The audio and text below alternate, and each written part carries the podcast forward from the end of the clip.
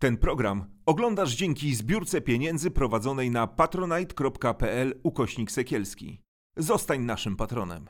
Cześć, nazywam się Ewelina Kwiatkowska. W programie Z jakiej racji bieżące wydarzenia będą punktem wyjścia do rozmów o kondycji współczesnej demokracji i o problemach, z którymi mierzy się dziś społeczeństwo.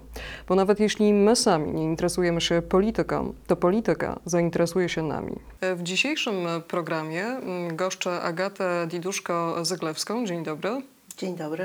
E, aktywistka, warszawska radna, e, współautorka map pedofilii w polskim kościele, współzałożycielka Licznika Apostazji i autorka książki Krucjata Polska. E, mogłabym wymieniać jeszcze, e, jeszcze długo. Tak, spotykamy się tutaj dzisiaj mm, po to, żeby porozmawiać o tym, mm, w jaki sposób w ostatnim czasie zmieniał się stosunek Polaków do Kościoła katolickiego. Coraz częściej w debacie publicznej pojawia się temat e, postępującej sekularyzacji mm, polskiego społeczeństwa i nieodłącznie związanej z tym apostazji. Mm, apostazji, czyli, czyli takiego rozwodu mm, z Kościołem, do niedawna to był gest raczej, e, raczej niszowy i rzadko podejmowany. Od jakiegoś czasu mówi się o kolejnych falach apostazji. Mm, czy wiemy, ilu dokładnie Polaków w ostatnim czasie wystąpiło z Kościoła katolickiego? Czy posiadamy oficjalne dane mm, na ten temat pochodzące ze statystyk Kościoła? No, Kościół y, rzeczywiście tego przez wiele lat nie liczył. Liczył mhm. do 2010 roku, y, ponieważ to zawsze było po kilkaset przypadków. Rzeczywiście to była sprawa niszowa i zresztą dalej jest. Y, możemy porozmawiać o tym, dlaczego później. Natomiast e, później Kościół po prostu przestał to liczyć na wiele lat. I e, teraz z powrotem jest taka zapowiedź, że znowu będzie to liczone. E, no ale w dalszym ciągu to są bardzo takie symboliczne liczby, które rzeczywiście nie oddają stanu postępującej sekularyzacji Polaków i Polek i to jest coś bardzo interesującego i coś, co jest procesem, który toczy się już dobry, od dobrych paru lat i o czym mówią badania i polskie i zagraniczne, na przykład badania Pew Research Center, to jest takie międzynarodowe. To są te badania sprzed dwóch lat, z których tak. wyszło, że Polska jest liderem e, spadku religijności. Tak, i były to bardzo poważne badania przeprowadzone w ponad 100 krajach, więc rzeczywiście mhm. tutaj praca włożona w te badania była ogromna i właśnie ona to pokazała, że w przedziale wiekowym do 30 roku życia e, to jest zaledwie kilkanaście procent ludzi w Polsce, dla których w ogóle religia jest czymś istotnym. Mhm. Jest też wiele innych badań, które to pokazuje. Są badania y, Instytutu Statystycznego Kościoła Katolickiego, które pokazują, że z roku na rok coraz mniej osób uczestniczy w niedzielnych mszach i w ostatnim roku to było około 38% przedpandemicznym oczywiście, bo w tym pandemicznym jeszcze nie mamy wyników. Natomiast te 38% to są dominikantes, czyli uprawnieni, co na bezwzględną liczbę Polek i Polaków przekłada się na jakieś 25% ludzi. I wszystko to pokazuje, że rzeczywiście mamy w Polsce wielu katolików i jest to ważna i znacząca, ale jednak od wielu lat mniejszość. Mhm. Więc y, to jest bardzo istotne, myślę, w kontekście tego, jak bardzo Kościół opiera różne swoje roszczenia do stanowienia prawa w Polsce, wpływania na nasze codzienne życie, na tym, że jesteśmy krajem katolickim. Nie jesteśmy, jeśli chodzi o praktykę życia ludzi w Polsce. Mhm. Wspomniała Pani o osobach do 30 roku życia. Y, jak wygląda to w pozostałych grupach wiekowych? Y, w pozostałych grupach wiekowych rzeczywiście jest tak, że y, im ludzie są starsi, tym ten odsetek nieco rośnie i oczywiście wśród seniorów jest najwyższy. Y, natomiast we wszystkich tych grupach spada ta religijność. Oczywiście tutaj przyczyną, której nie ma co ukrywać, jest takie skrajne upolitycznienie Kościoła w ostatnich latach, kiedy to powiązanie Kościoła katolickiego ze sprawującymi władzę przestało być zawoalowane, no bo Kościół mhm. jednak w Polsce zawsze czerpał korzyści z tego powiązania ze sprawującymi władzę, natomiast od 2015 dzieje się to w sposób już bardzo otwarty i to jednak zniechęciło jakąś kolejną grupę ludzi. No i oczywiście nie bez wpływu są te wszystkie działania o których Pani wspomniała na początku rozmowy, moje grupy osób, braci Sekielskich i rosnącej grupy dziennikarzy, dziennikarek, aktywistów, którzy jednak e, walczą, pracują nad transparentnością działań i przestępstw, które się dzieją w tej potężnej międzynarodowej instytucji, jaką jest Kościół katolicki. Powiedziała Pani, że Kościół katolicki przestał e, liczyć tych e, odpływających wiernych. Czy to ze strachu przed, przed zmierzeniem się z mm, tą rosnącą liczbą? No oczywiście tak, im więcej jest e, tych osób, które deklarują, że chcą odejść, tym bardziej Kościół tego nie liczy. I to jest rzeczywiście analogiczna sytuacja e, do tej sytuacji związanej z przestępstwami seksualnymi wobec dzieci, że bardzo długo Kościół mówił, że tą sprawą się nie trzeba zajmować, ona nie jest problemem, nie jest problemem na osobne rozmowy, dlatego że to jest rzecz absolutnie marginalna i w każdej grupie zawodowej się tak zdarza. Wiemy już teraz po tych wszystkich e, rzeczach, które udało nam się ujawnić, że jednak to jest bardzo specyficzny problem dla tej instytucji w Polsce i w innych krajach. I podobnie jest z tymi odejściami z Kościoła. Kościół bardzo chce zachować mm, taką publiczną informację o tym, że naprawdę dla wszystkich jest ważny. I dlatego oczywiście liczba osób odchodzących nie jest czymś, co by było transparentne, zresztą jak wiele innych spraw, na przykład na styku kościoła i państwa, dlatego że ja na przykład ostatnio zajmowałam się mm, i zajmuję się dalej badaniem tego, ile nasze państwo wydaje pieniędzy na mm, kapelanów w szpitalach.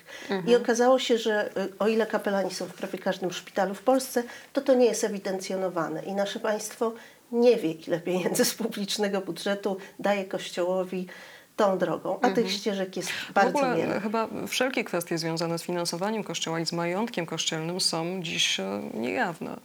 Tak, no Ja oczywiście. ro- rozumiem, że gwarantuje to mm, ten zapis autonomii Kościoła, który znajduje się, zdaje się, w Konstytucji. Kościół zasłania się tym pojęciem autonomii, które, któremu przysługuje. Myślę, że to jakby jest nadużycie oczywiście tego zapisu. Oczywiście. E, Ale dopóki oczywiście nasze państwo się na to zgadza, to może to działać w ten sposób. Istotnym i jedynym czynnikiem, który może skłonić e, Kościół do e, zmiany tego sposobu działania jest oczywiście e, ostra reakcja państwa, zmiana przepisów prawa, ale też właśnie takie masowe odchodzenie wiernych, tylko że ono już się toczy, natomiast musi się toczyć jeszcze bardziej. I tu wracając do tematu apostazji, to jest też taki mm, mechanizm, który tak naprawdę ma sprawiać, żeby dla ludzi to było niesłychanie trudne. Łączą się z tym takie rzeczy, że po pierwsze nie ma mm, takiej możliwości odejścia z kościoła, która byłaby możliwością spoza procedur kościelnych. I to jest pierwsza rzecz, z To znaczy, którą... trzeba zmierzyć się po raz kolejny Tak. z tą instytucją. Udać się tam osobiście prawdopodobnie. Nie tylko. No w każdym Nie razie tylko. rzeczywiście jest tak, że, że y, ludzie, że zapisywani jesteśmy do kościoła zwykle poza naszą wolą, jako niemowlęta, chrzest, nikt nikogo nie pyta o zgodę. Stąd to poczucie kościoła, że tak wiele osób do niego należy. Natomiast coraz więcej osób, które są dorosłe, mówi zapisano mnie pomimo mojej woli do instytucji, w której nie, Nie chcę chcę być. być. Więc oczywiście to powinien być akt woli polegający na tym, że wysyłam gdzieś formularz, mówię, nie, nie chcę już przynależeć do tej społeczności.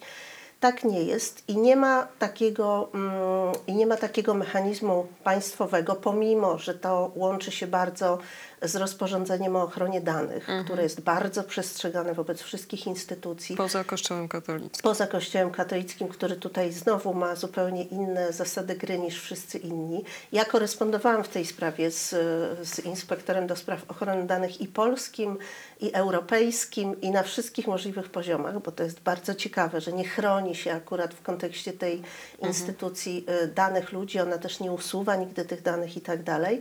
I rzeczywiście cała ta procedura jest procedurą wewnątrzkościelną. Jeszcze kilka lat temu trzeba było nie tylko przyjść składając ten swój akt apostazji, ale też dwóch świadków. mieć przy sobie Tak. dwóch świadków, składać tę prośbę, odbyć obowiązkową rozmowę z księdzem, który przekonywał i jakby to od jego dobrej woli zależało, czy on To uznał, znaczy, że mógł odmówić? Teoretycznie powinien to przyjąć, jeżeli nie przekonał y, danego klienta do zmiany zdania. Natomiast oczywiście to od jego y, arbitralnej oceny y, zależało, czy przekonał, czy nie przekonał. Y, Ta procedura została nieco uproszczona. W tej chwili można już się udać bez świadków, natomiast w dalszym ciągu jest tak, że najpierw trzeba zdobyć odpis swojego aktu chrztu, co dla większości osób, które to robią, a które w ogóle nie uczestniczą w życiu Kościoła, oznacza, że na przykład trzeba jechać do miasta swojego urodzenia, gdzie się było ochrzczonym, że bywa tak i to wcale nie tak rzadko, że ludzie zwyczajnie nie wiedzą, gdzie byli ochrzczeni, bo nie mają związku z tą instytucją, oni, ich rodzice, rodzice czasem nie żyją, więc y, to nie jest takie proste. Ale nawet jeśli to wiemy, to też bywa nieproste, ponieważ o ile zgodnie z dekretem episkopatu ta parafia, w której się było chrzczonym, po prostu ma obowiązek wydawać odpisy chrztu bez względu na powód, którego nawet nie musimy podawać, to oczywiście w praktyce bywa różnie. I też oczywiście jest tak, że o ile wszystkie dokumenty właściwie już możemy zdobywać y, mailem, co szczególnie w czasie covidowym miało wielki sens, tak. to oczywiście tutaj Kościół jak najbardziej y, nie podporządkowuje się tej zasadzie. Ale czy to jest tak, że Kościół mówi nie, czy po prostu jakoś sabotuje to działanie? No, różne są sytuacje. Niestety zdarzają się, znaczy zdarzają się sytuacje właśnie takiego wydłużania, y, uzasadniania tego właśnie COVID-em, pandemią, brakiem czasu księdza i tak dalej. Takiego rzeczywiście jakby nękania kogoś tym, że musi poświęcić bardzo dużo czasu i wrócić wiele razy. I to i w tym momencie, kiedy ktoś bierze odpis i kiedy składa ten formularz, zdarza, zdarzają się też sytuacje zwykłego przekroczenia prawa, czyli rzeczywiście czegoś takiego, że ci księża w, czasem w bardzo niegrzeczny sposób mówią, że po prostu się na to nie zgadzają, że proszę wrócić za rok, za pół roku, jak pani się opanuje i przemyśli, bo to jest głupie, bo coś tam naprawdę mamy też... y, ponieważ e, licznik apostazji działa w ten sposób, że e, ludzie do nas też piszą i opisują swoje historie, to właśnie rzeczywiście e, dostajemy dużo informacji o tym, co się wydarza, e, co się wydarza. I rzeczywiście, ponieważ rośnie ta liczba apostazji i też księża wiedzą, że część osób po prostu nagrywa te spotkania właśnie dlatego, żeby się zabezpieczyć, gdyby zdarzyło się coś nieprzyjemnego, to nie jest tak dużo takich przypadków, kiedy to jest naprawdę Na nieprzyjemne. pewno mniej niż wcześniej. Dużo mniej niż wcześniej, ponieważ też już to jest Procedura coś, co właściwie ułatwiona. zdarza się w bardzo wielu miejscach, więc nie jest to też dziwne, ale bywają takie przypadki. Na przykład kilka miesięcy temu w jednym z, z warszawskich kościołów na Brudnie ksiądz wręcz wezwał policję, kiedy zjawiła się tam młoda dziewczyna z aktem apostazji, ponieważ po prostu nie chciał go przyjąć. się zaatakowany. Tak, ona powiedziała, że no, nie wyjdzie, dopóki on tego nie przyjmie, bo to jest jego obowiązek. Miała przy sobie ten dekret episkopatu, który wyraźnie mówi, że ksiądz ma obowiązek to przyjąć. To nie jest jakby kwestia jego woli, bo to jest formularz. Nie chciał tego zrobić, ona powiedziała, że poczeka. On wezwał policję i policja, brawo jak zawsze, wyniosła dziewczynę zamiast upomnieć księdza. I, W tym ostatnio specjalizujesz się. Tak. tak, policja jakby rzeczywiście z kościołem, nie z obywatelami. Więc y, bywają różne sytuacje, natomiast dzięki temu, że, y, że jest tych y, ludzi, którzy się na to decydują, coraz więcej, to ta sprawa staje się taka powszedniejsza również dla samych księży i część z nich po prostu nie robi z tym problemu i co jest istotne, ten proces nie dzieje się tylko w dużych miastach i to jest coś, co było dla nas niespodzianką, kiedy robiliśmy licznik apostazji, no bo wszyscy wiemy, że łatwiej to zrobić w dużym mieście, mm, gdzie nie trzeba się obawiać reakcji sąsiadów lub y, ostracyzmu ze tak strony jak w tego księdza. Zambony i tak dalej. Um, Natomiast okazało się, że ludzie robią to też w, we wsiach i w małych miejscowościach. I to jest bardzo ważny znak czasu, bo to znaczy, że rzeczywiście jakby Kościół już tak daleko się zapędził w tych różnych przekroczeniach, że nawet ludzie w takich miejscowościach, gdzie to z pewnością oznacza ekspozycję, gdzie nie da się tego zrobić anonimowo, po prostu się na to decydują, bo po prostu chcą, żeby to był publiczny akt. I myślę, że to jest bardzo ważne. Mhm.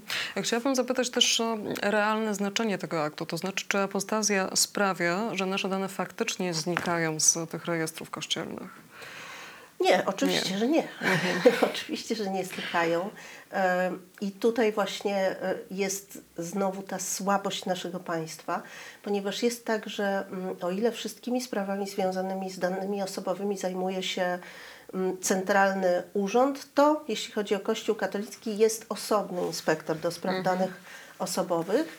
I we wszystkich sprawach, kiedy chcielibyśmy złożyć e, jakiegoś rodzaju reklamację, właśnie powiedzieć, że żądamy usunięcia i tak dalej, to ten inspektor, który obsługuje wszystko, odsyła do inspektora kościelnego, czyli jakby skargę na kościół mamy znowu negocjować z kościołem. Mhm. Jest to dosyć absurdalne i jest to znowu ten moment, kiedy państwo wycofuje się z ochrony obywateli. Bardzo dziwny i to jest rzeczywiście bubel prawny, e, który musi zostać zmieniony, no bo nie możemy negocjować z Kościołem e, tego, czy będzie trzymał dalej nasze dane, czy nie, bo no po prostu to nie ma sensu.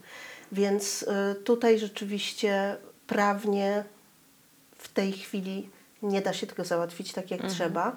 Natomiast istotne jest to, że y, Kościół naprawdę opiera wszystkie swoje żądania y, na tym, że mówi 90% ludzi w Polsce to są katolicy. Zdaje się, że to wyszło z mm, poprzedniego spisu powszechnego. Mniej więcej tak wyglądały te, te Tak, statystyki. i wiemy też dlaczego. Dlatego, że wiele osób w Polsce ma poczucie, że to pytanie miało podówczas poczucie, że to pytanie dotyczyło tego, czy się jest ochrzczonym. A rzeczywiście większość, czyli czy formalnie się przynależy do danej religii. Natomiast to jest pytanie o wierzenia i praktyki religijne. I my żeśmy mm, na lewicy rzeczywiście tym razem przed tym spisem próbowali zrobić taką akcję informacyjną, szeroko zakrojoną, żeby ludzie jednak mieli poczucie, że to naprawdę nie jest to pytanie, że to, że cię kiedyś tam ochrzczono nie oznacza, że do końca życia musisz pisać jestem katolikiem, katoliczką, jeśli nie czujesz się częścią tej wspólnoty. Mm, I z ciekawością czekam na wyniki tego nowego spisu, bo to dotarło do wielu ludzi więc być może one będą inne. Natomiast rzeczywiście y, dlatego ma taki sens to, żeby jednak budować, dlatego my żeśmy stworzyli ten licznik, że musimy się liczyć gdzieś z boku, żeby, y, żeby, móc, y, żeby móc jakoś budować taki realny obraz tego, kto się czuje związany z tą wspólnotą, a kto nie. Aczkolwiek rzeczywiście już teraz nie mam wątpliwości, że liczenie apostazji tutaj mm, nie jest taką drogą, która, y, która rzeczywiście może pokazać tę skalę. Dlaczego? Y, Dla... Właśnie powiedzmy może Mhm. trochę o tym, jak działa sam licznik, bo, bo rozumiem, że apostaci zgłaszają się samodzielnie. To, to nie jest tak. Tak. że, mhm. Tak, licznik apostazji działa w ten sposób, że osoby, które dokonają apostazji, mogą do nas napisać, tylko muszą nam przesłać w formularzu swój akt apostazji podstemplowany lub podpis aktu chrztu z, z tą adnotacją, oczywiście z zasłoniętymi tymi danymi wrażliwymi, no, żeby to, bo rzeczywiście zależało nam na tym, żeby liczyć ludzi, którzy realnie dokonali tego gestu, czyli poszli i zrobili to, bo rzeczywiście pisze do nas ogromna liczba ludzi, którzy mówią, czy możecie mnie dopisać do tego licznika, ja nie chcę tam iść, nie pójdę tam, nie, nie chcę z nimi rozmawiać, ale po prostu ja wystąpiłem z tego kościoła, wystąpiłam, już w nim nie jestem, więc my nie zapisujemy tych ludzi, tylko zapisujemy tych, którzy to zrobili rzeczywiście formalnie, e, po to, żeby też móc potem popatrzeć, co pokaże sam Kościół i to skonfrontować.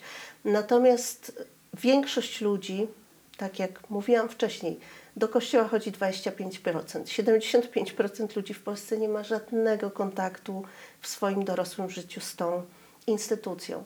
I zwyczajnie dla nich to nie ma sensu, nie mają na to czasu, nie uważają, że to jest stosowne, żeby znów móc, musieć się do zasad wyznaczanych przez te instytucje dopasować po to, żeby móc się z niej formalnie wypisać. Więc ja nie mam wątpliwości co do tego, że dokonywanie apostazji nigdy nie będzie takim masowym działaniem, które zrobią wszyscy, którzy nie czują się związani z tą instytucją, właśnie dlatego, że się nie czują związani. I w tym sensie dużo bardziej miarodajne są innego rodzaju badania. Tak? Na przykład takie badania, jak przeprowadziła polityka kilka lat temu, chyba w 2015 czy 2016, która po prostu szczegółowo pytała o zwyczaje ludzi w Polsce, o to, jak żyją. Czyli na przykład pytała o to, em, czy poszczą w piątki, czy uprawiają seks przedmałżeński, czy uważają, że rozwód jest ok. I tego rodzaju pytania, z których wynikło, że to, co nazywamy, to co jest tak zwaną nauką Kościoła, mm, że tych zasad przestrzega kilka procent ludzi w Polsce.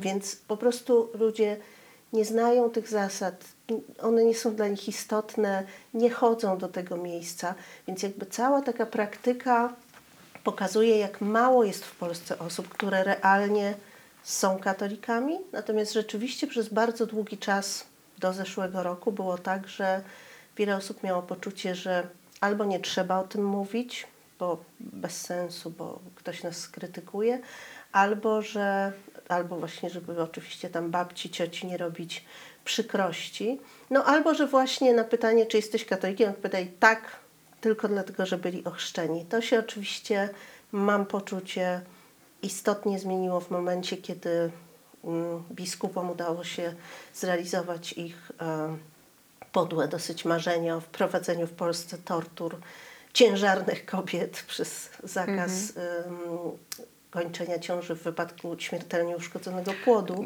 Właśnie po pojawieniu się e, tego orzeczenia w październiku mm, Trybunału Konstytucyjnego pod przewodnictwem Julii Przyłębskiej, e, podobno mieliśmy do czynienia z falą apostazji. Tak, rzeczywiście ja, my żeśmy właśnie wtedy pomyśleli o tym, że trzeba zacząć e, się liczyć, dlatego że mm, ja byłam wtedy w kontakcie z osobami, które prowadzą te różne strony, które doradzają, na przykład apostazja.eu i, e, I właśnie ci ludzie mówili mi o tym, że jest ogromna fala, że na przykład e, z tej strony, o której mówiłam, która ma po prostu takie gotowe formularze do mm, podawania, w ciągu miesiąca pobrało ten formularz 25 tysięcy osób, więc to rzeczywiście mm, był, była jakaś taka reakcja ludzi, którzy zaczęli szukać drogi, żeby móc naprawdę jakoś formalnie pokazać, że nie chcą mieć nic wspólnego z tą instytucją.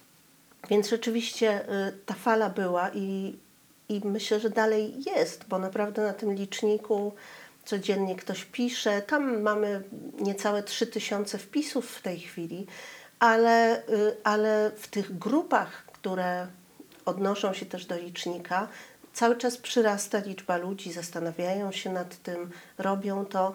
No ale rzeczywiście cały czas dominujące są rozmowy o tym, że jest to konieczność ponownego nawiązania z instytucją, z którą się nie ma i nie chce mieć nic wspólnego, więc bardzo potrzebny jest taki państwowy mechanizm. I myślę, że po prostu byłoby to, byłaby to bardzo istotna zmiana w prawie. No, w chwili obecnej mamy raczej do czynienia z zacieśnianiem więzi państwa z Kościołem, więc chyba, chyba, chyba na razie nie, nie ma co na to mm, liczyć. Ale z tego, z tego, co pani powiedziała, można wysnuć wniosek, że, że można spodziewać się kolejnej fali e, apostazji w sytuacjach, w których Kościół będzie ingerował mm, w sprawy polityczne, w sprawy dotyczące naszego codziennego życia. Tak, rzeczywiście za każdym razem i myślę, że już teraz tak będzie, kiedy właśnie y, episkopat ucieszy się z czegoś wyjątkowo podłego, kiedy znowu przymus religijny przybiera na sile, a wiemy o tych kolejnych planach. Minister Czarnek zapowiedział, że chce, żeby y, lekcje religii, z których też lawinowo odpływają uczniowie w tym roku szkolnym, stały się obowiązkowe, więc jest dużo tych takich momentów, kiedy rzeczywiście odczują to wszyscy ludzie, bo jeżeli religia stanie się obowiązkowa, no to to jest komunikat, który dotrze do wszystkich rodziców, a naprawdę już w wielu miastach jest tak, że mm, większość dzieciaków nie chodzi na te nieobowiązkowe zajęcia. W Warszawie na przykład to jest w- większości szkół średnich to jest mniej niż połowa uczniów i takie mamy też informacje z innych miast. Więc myślę, że oczywiście te kolejne kroki, jeśli będą się wydarzały, to będą powodowały y, kolejne próby podejmowane przez kolejne grupy ludzi, pokazania, że naprawdę nie chcą mieć nic wspólnego z tą instytucją. Y, No ale nie łudźmy się, dopóki u władzy jest Zjednoczona Prawica, y, to Zjednoczona Prawica tutaj niespecjalnie interesuje się tym, co y, myślą na ten temat ludzie, jak wiemy, po tych historycznych protestach w październiku, które nie wywołały jednak właściwych skutków. Też jak ostatnio mogłyśmy usłyszeć, Kaczyński stwierdził, że jak ktoś chce przerwać To ciążę, może to sobie pojechać za granicę, więc problemu nie ma. No i to jest wyjątkowo nieodpowiedzialne i rzeczywiście I mm, cyniczne. bardzo cyniczne wobec ponad połowy społeczeństwa w Polsce, czyli kobiet.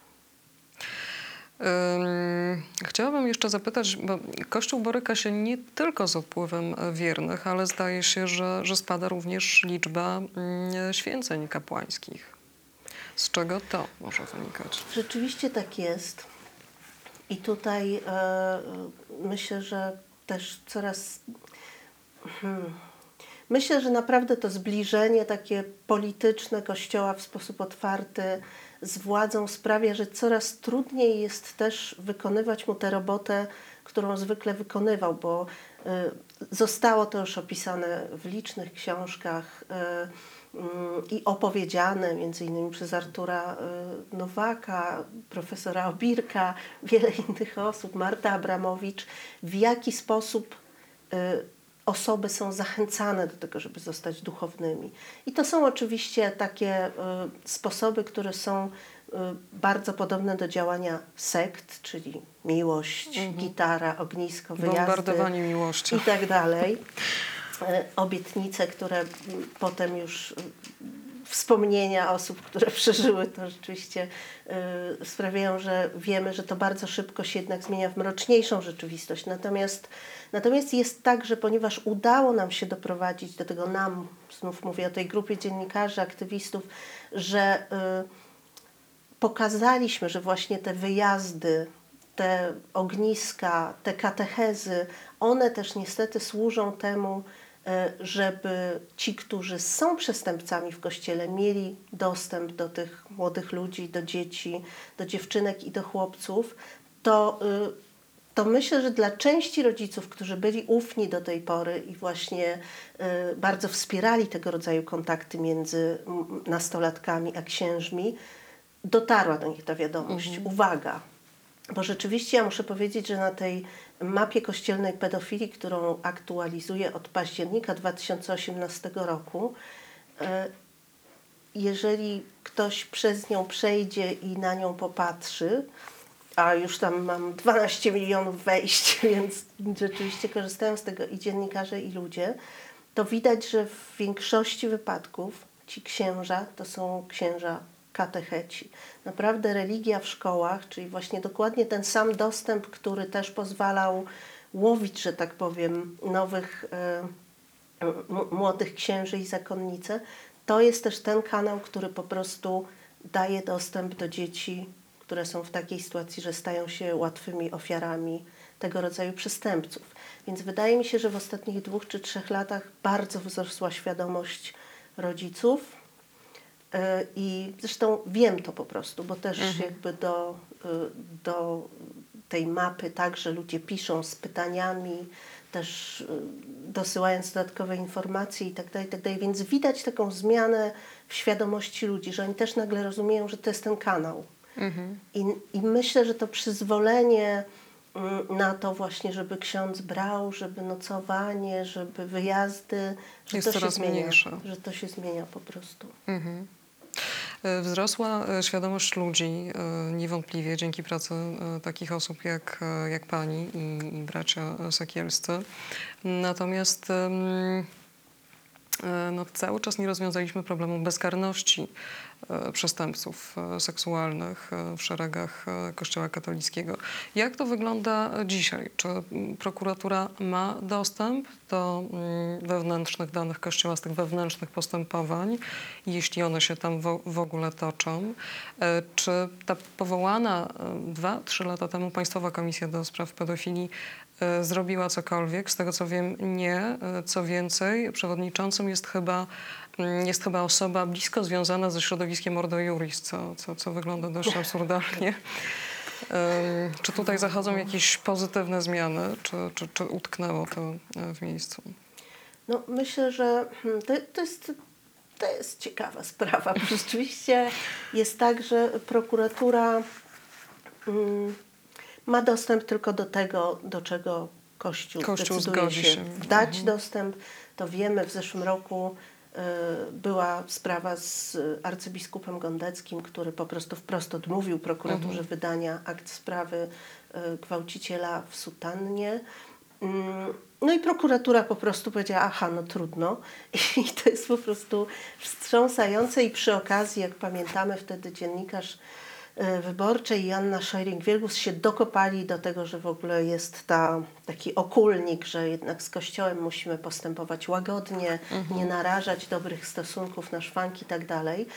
Em, Ta komisja która tak na serio zaczęła działać od kilku miesięcy, jest dosyć ciekawą sprawą. Rzeczywiście prowadzi ją pan związany z Ordo Juris, więc nie, nie możemy tutaj mieć y, jakichś złudzeń co do tego, że ona będzie że ona będzie bardzo skutecznie tropiła akurat to. Natomiast nam udało się z Janną Szering-Wielgus do tej komisji wejść w marcu, na początku marca, ponieważ złożyłyśmy tam 43 zawiadomienia. Postanowiłyśmy, że skoro jest komisja, ona co prawda właśnie nie ma takich y, możliwości, jak powinna mieć, bo wcześniej w zespole społecznym pisałyśmy też ten projekt ustawy o Komisji Prawdy i Zadośćuczynienia, która miała właśnie mieć takie kompetencje, jak mają analogiczne komisje w innych krajach, czyli również takie kompetencje prokuratorskie, czyli że wzywa na przesłuchania, że może robić przeszukania itd., itd. No oczywiście to zostało w tym projekcie, który wszedł w życie prawicowym absolutnie stępione, też komisja zajmuje się pedofilią w ogóle. Natomiast kiedy tam dotarłyśmy z tymi 43 zawiadomieniami i rozmawiałyśmy z wicedyrektorkami tej komisji, to była to długa i ciekawa rozmowa, ponieważ te panie mówiły o tym, że są przytłoczone liczbą spraw, że trafiło do nich kilka tysięcy spraw, oczywiście ogólnie tych kościelnych tylko kilkadziesiąt, natomiast że one nie zdawały sobie sprawy, że przemoc seksualna wobec dzieci jest w Polsce tak y, powszechnym Często. problemem. I tak, to jest stabilizowany problem, który jest powszechny.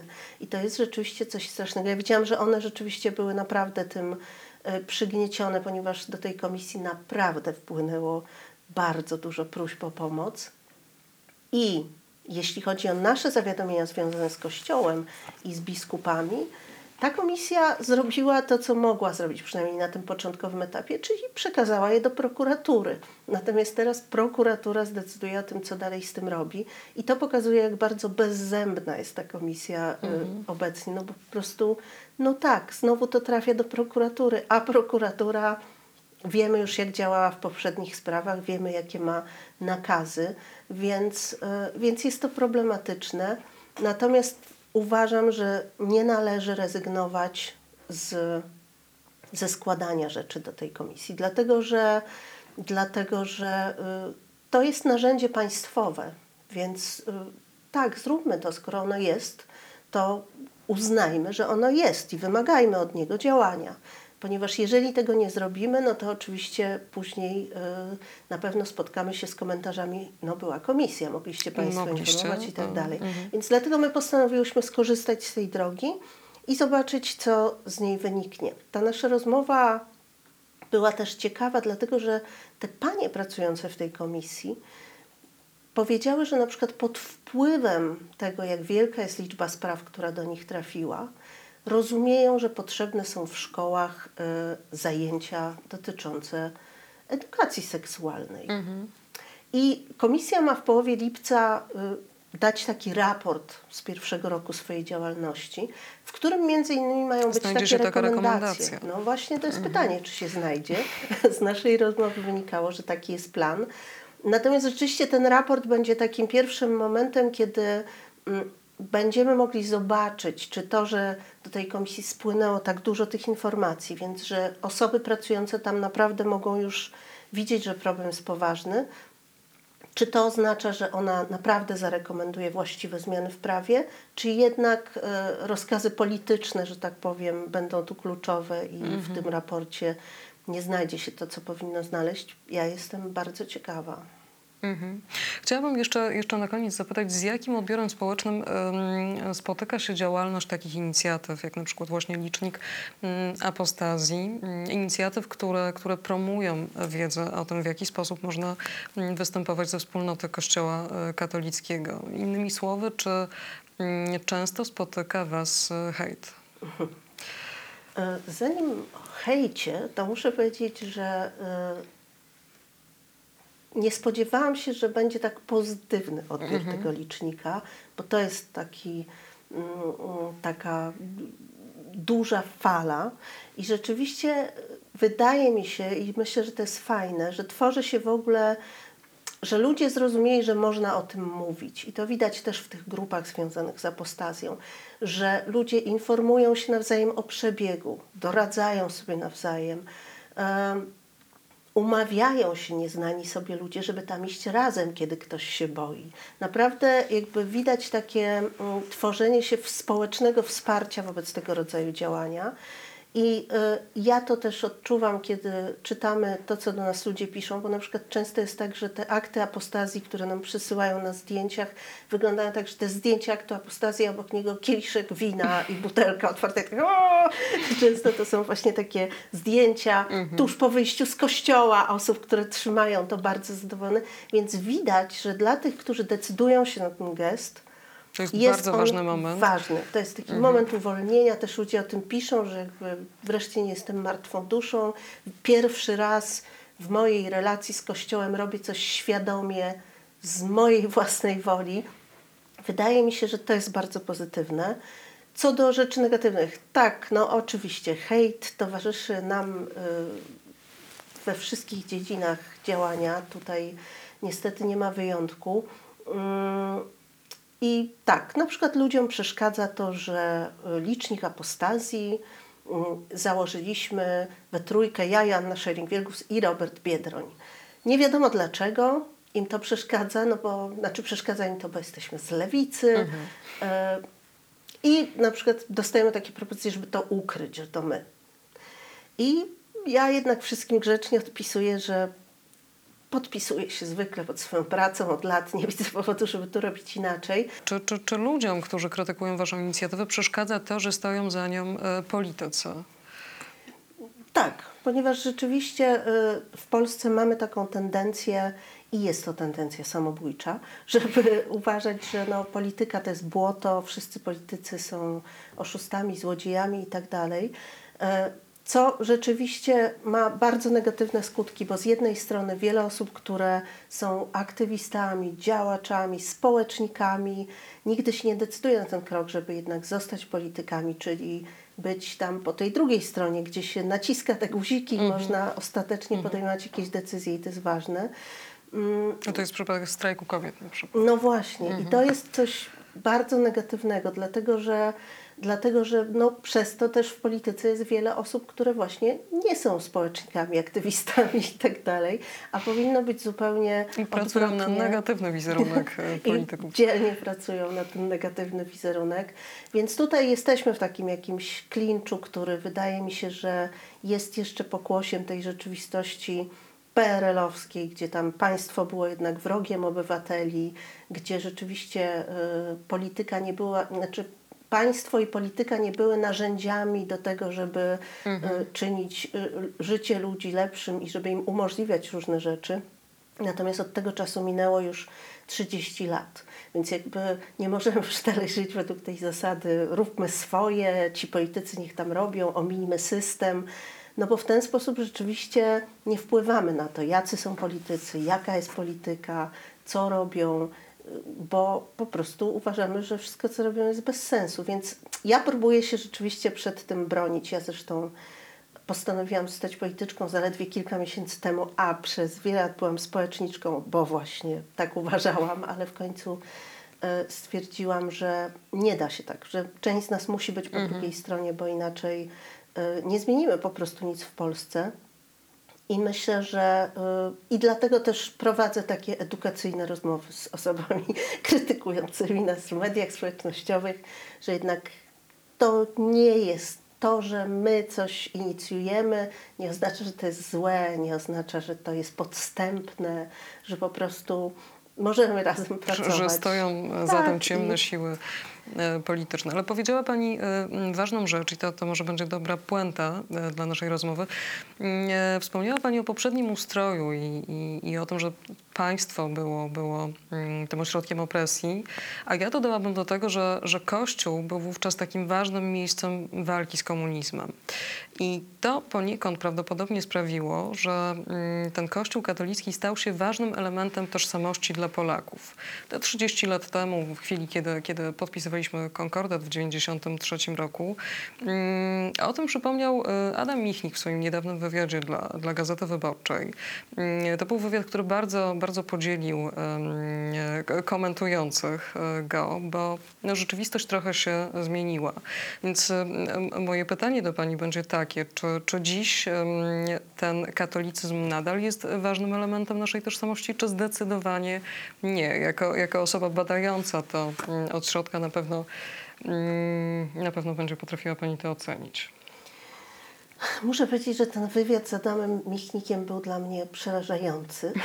Wydaje mi się, że Adam Michnik On wzbudził wiele kontrowersji. zatrzymał się w XX wieku i nie zauważył bardzo wielu zmian społecznych, które wydarzyły się w Polsce. E, Między innymi powstało dużo książek, które mm, opisują rolę Kościoła w PRL-u. I tak, Kościół był jednym z istotnych ośrodków, ale jednak nie najistotniejszym wsparcia opozycji demokratycznej. Natomiast był też miejscem, w którym działało bardzo wielu agentów związanych y, z ówczesnym państwem i jak wiemy, Kościół nie poddał się lustracji. Nie musiał, bo nie był państwową instytuc- instytucją, ale ze względu na jego taki moralny, że tak powiem, obszar działania powinien był. Natomiast nigdy tego nie zrobił i wiemy, że bardzo wielu księży, bardzo wielu pracujących tam ludzi to są ludzie, którzy współpracowali z tymi służbami e, i którzy byli też, niektórzy z nich do tej współpracy skłonieni właśnie dlatego, że e, na przykład byli e, przestępcami seksualnymi. Mamy e, na przykład sprawę z Radomia księdza Stanisława S., bohatera Solidarności, bardzo potężnego księdza. To jest jedna z takich spraw, w których właśnie mm, nam, mi i Annie Szewing-Wiegus udało się połączyć ze sobą różne ofiary, które odezwały się do mapy kościelnej pedofilii, nie wiedząc o sobie nawzajem. I my połączyłyśmy tych ludzi i dziennikarkę z Radomia, która się tym zajmowała i dzięki temu ta sprawa nabrała tempa. Natomiast to jest właśnie jedna z takich postaci. Więc ja się absolutnie nie zgadzam z tezą y, Adama Michnika i to, co się wydarzyło na początku lat 90., także nie było zgodne z wolą społeczeństwa polskiego, ponieważ jak wiemy, wszyscy uzyskali wolność, natomiast za tę wolność zapłaciliśmy prawami kobiet, wpuszczeniem kościoła do szkół, który, przypominam też, kiedy wchodził do szkół, to miał tam za darmo nauczać religii. Chodziło o to, że szkoła udostępnia miejsca, tysiące sal za darmo, ale po to, żeby tam mogli działać księża. Już rok później okazało się, że jednak za pracę trzeba płacić i tak dalej. To nie działo się zgodnie z wolą społeczeństwa. Często wbrew niej. Przypominam, że jak zaostrzono prawa antyaborcyjne, to protesty były ogromne. Prawie 2 miliony podpisów przeciwko, które wyrzucono do kosza. Em, więc działo się to zgodnie z wolą polityków, którzy już wtedy oczywiście uważali, że agitacja z ambon jest czymś cennym, bo niewątpliwie była. Więc, y, więc nie wydaje mi się, żeby to była historia sielankowa. Była to historia przemocy już wtedy i ta przemoc się stale y, od tych lat 90. niestety nasilała.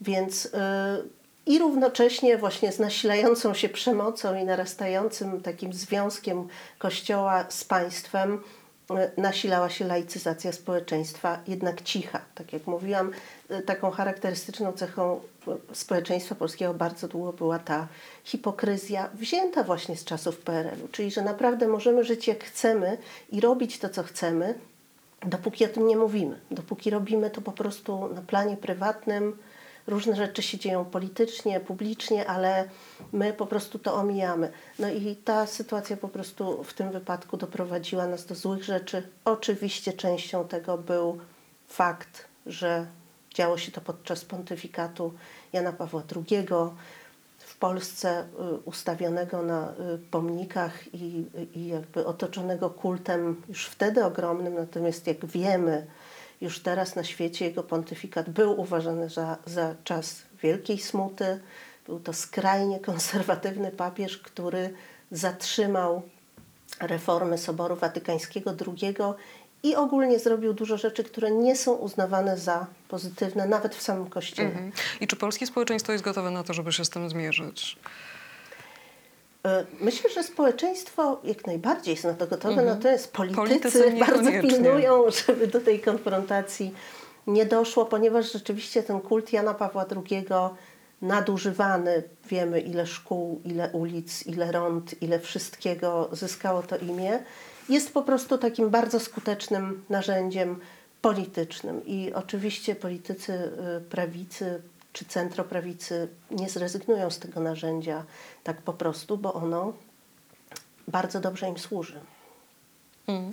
Czyli podsumowując, laicyzacja e, polskiego społeczeństwa niewątpliwie postępuje i możemy się spodziewać, że wyniki e, tego obecnego spisu powszechnego dostarczą nam już zupełnie innych danych niż te z poprzedniego spisu. No, zobaczymy. I to, tu zobaczymy. Natomiast wiemy, już teraz mamy te badania, które pokazują pewne historyczne przesunięcia. Czyli na przykład były badania pokazujące o tym, że właśnie szczególnie wśród kobiet do 30, nawet do 40 roku życia bardzo wzrasta poparcie e, dla światopoglądu lewicowego, Lewicowego. socjaldemokratycznego. I to jest rzeczywiście coś, co się od kilku dekad w Polsce nie zdarzyło, więc widać, że wreszcie również przez tą radykalizację Kościoła, właśnie przez tą otwartość biskupów w ich takich kolejnych nagonkach, właśnie we współpracy z tym rządem, w atakowaniu kolejnych grup obyw- obywateli, widać, że wreszcie chyba mm, to historyczne odium związane, z, wiążące lewicę z PRL-em i uniemożliwiające w ogóle istnienie w debacie publicznej przez ostatnie trzy dekady lewicowej perspektywy, która nie byłaby od razu zmiatana jako komunistyczna czy postkomunistyczna, że to wreszcie ustępuje. Że rzeczywiście wkroczyło ludźmi pełnoletnimi stają się ludzie, którzy nie pamiętają PRL-u, ludźmi w polityce są ludzie, którzy nie mają z tym nic wspólnego, więc y, wydaje się, że wychodzimy z pewnego klinczu i mam poczucie, że to, y, czego doświadczyliśmy w październiku 2020, kiedy rzeczywiście w małych, dużych, wszelkich miastach kobiety, dziewczyny, mężczyźni, bardzo dużo młodych osób w sposób zupełnie otwarty mówiło kościołowi, księżom i tak dalej dosyć i pisało to na murach, jest takim punktem zwrotnym, że już dla tych ludzi Nie nie, ma powrotu.